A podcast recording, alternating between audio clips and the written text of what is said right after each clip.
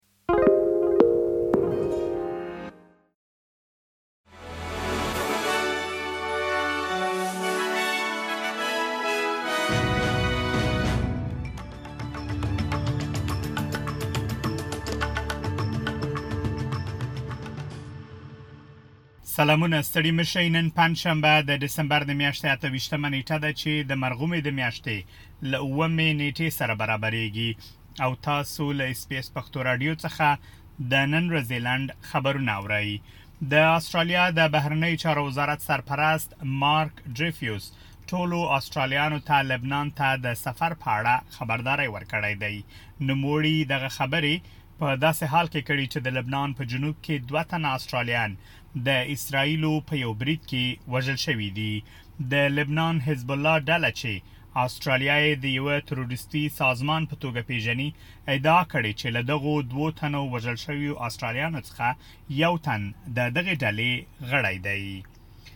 د اسراییلو پوځ وايي د غزې په مرکزي برخه کې ځواکونه په یو شمیر ځایونو کې په جګړه بوخت دي او د سیمې په جنوب کې په یو ښار کې خپل عملیات پراخوي په زرګونو فلسطینی کورنۍ د غزې په تړانګه کې د اسراییلو د پراخیدونکو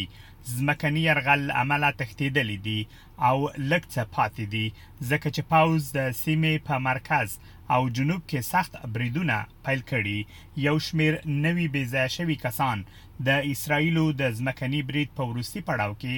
په نښه شوي دي. د جمهوري غوښتونکو ډلې یو وکیل ویلي چې د کولوراډو د جمهوري غوښتونکو ګوند د متحده ایالاتو له سترې محکمې څخه غوښتنه کړې چې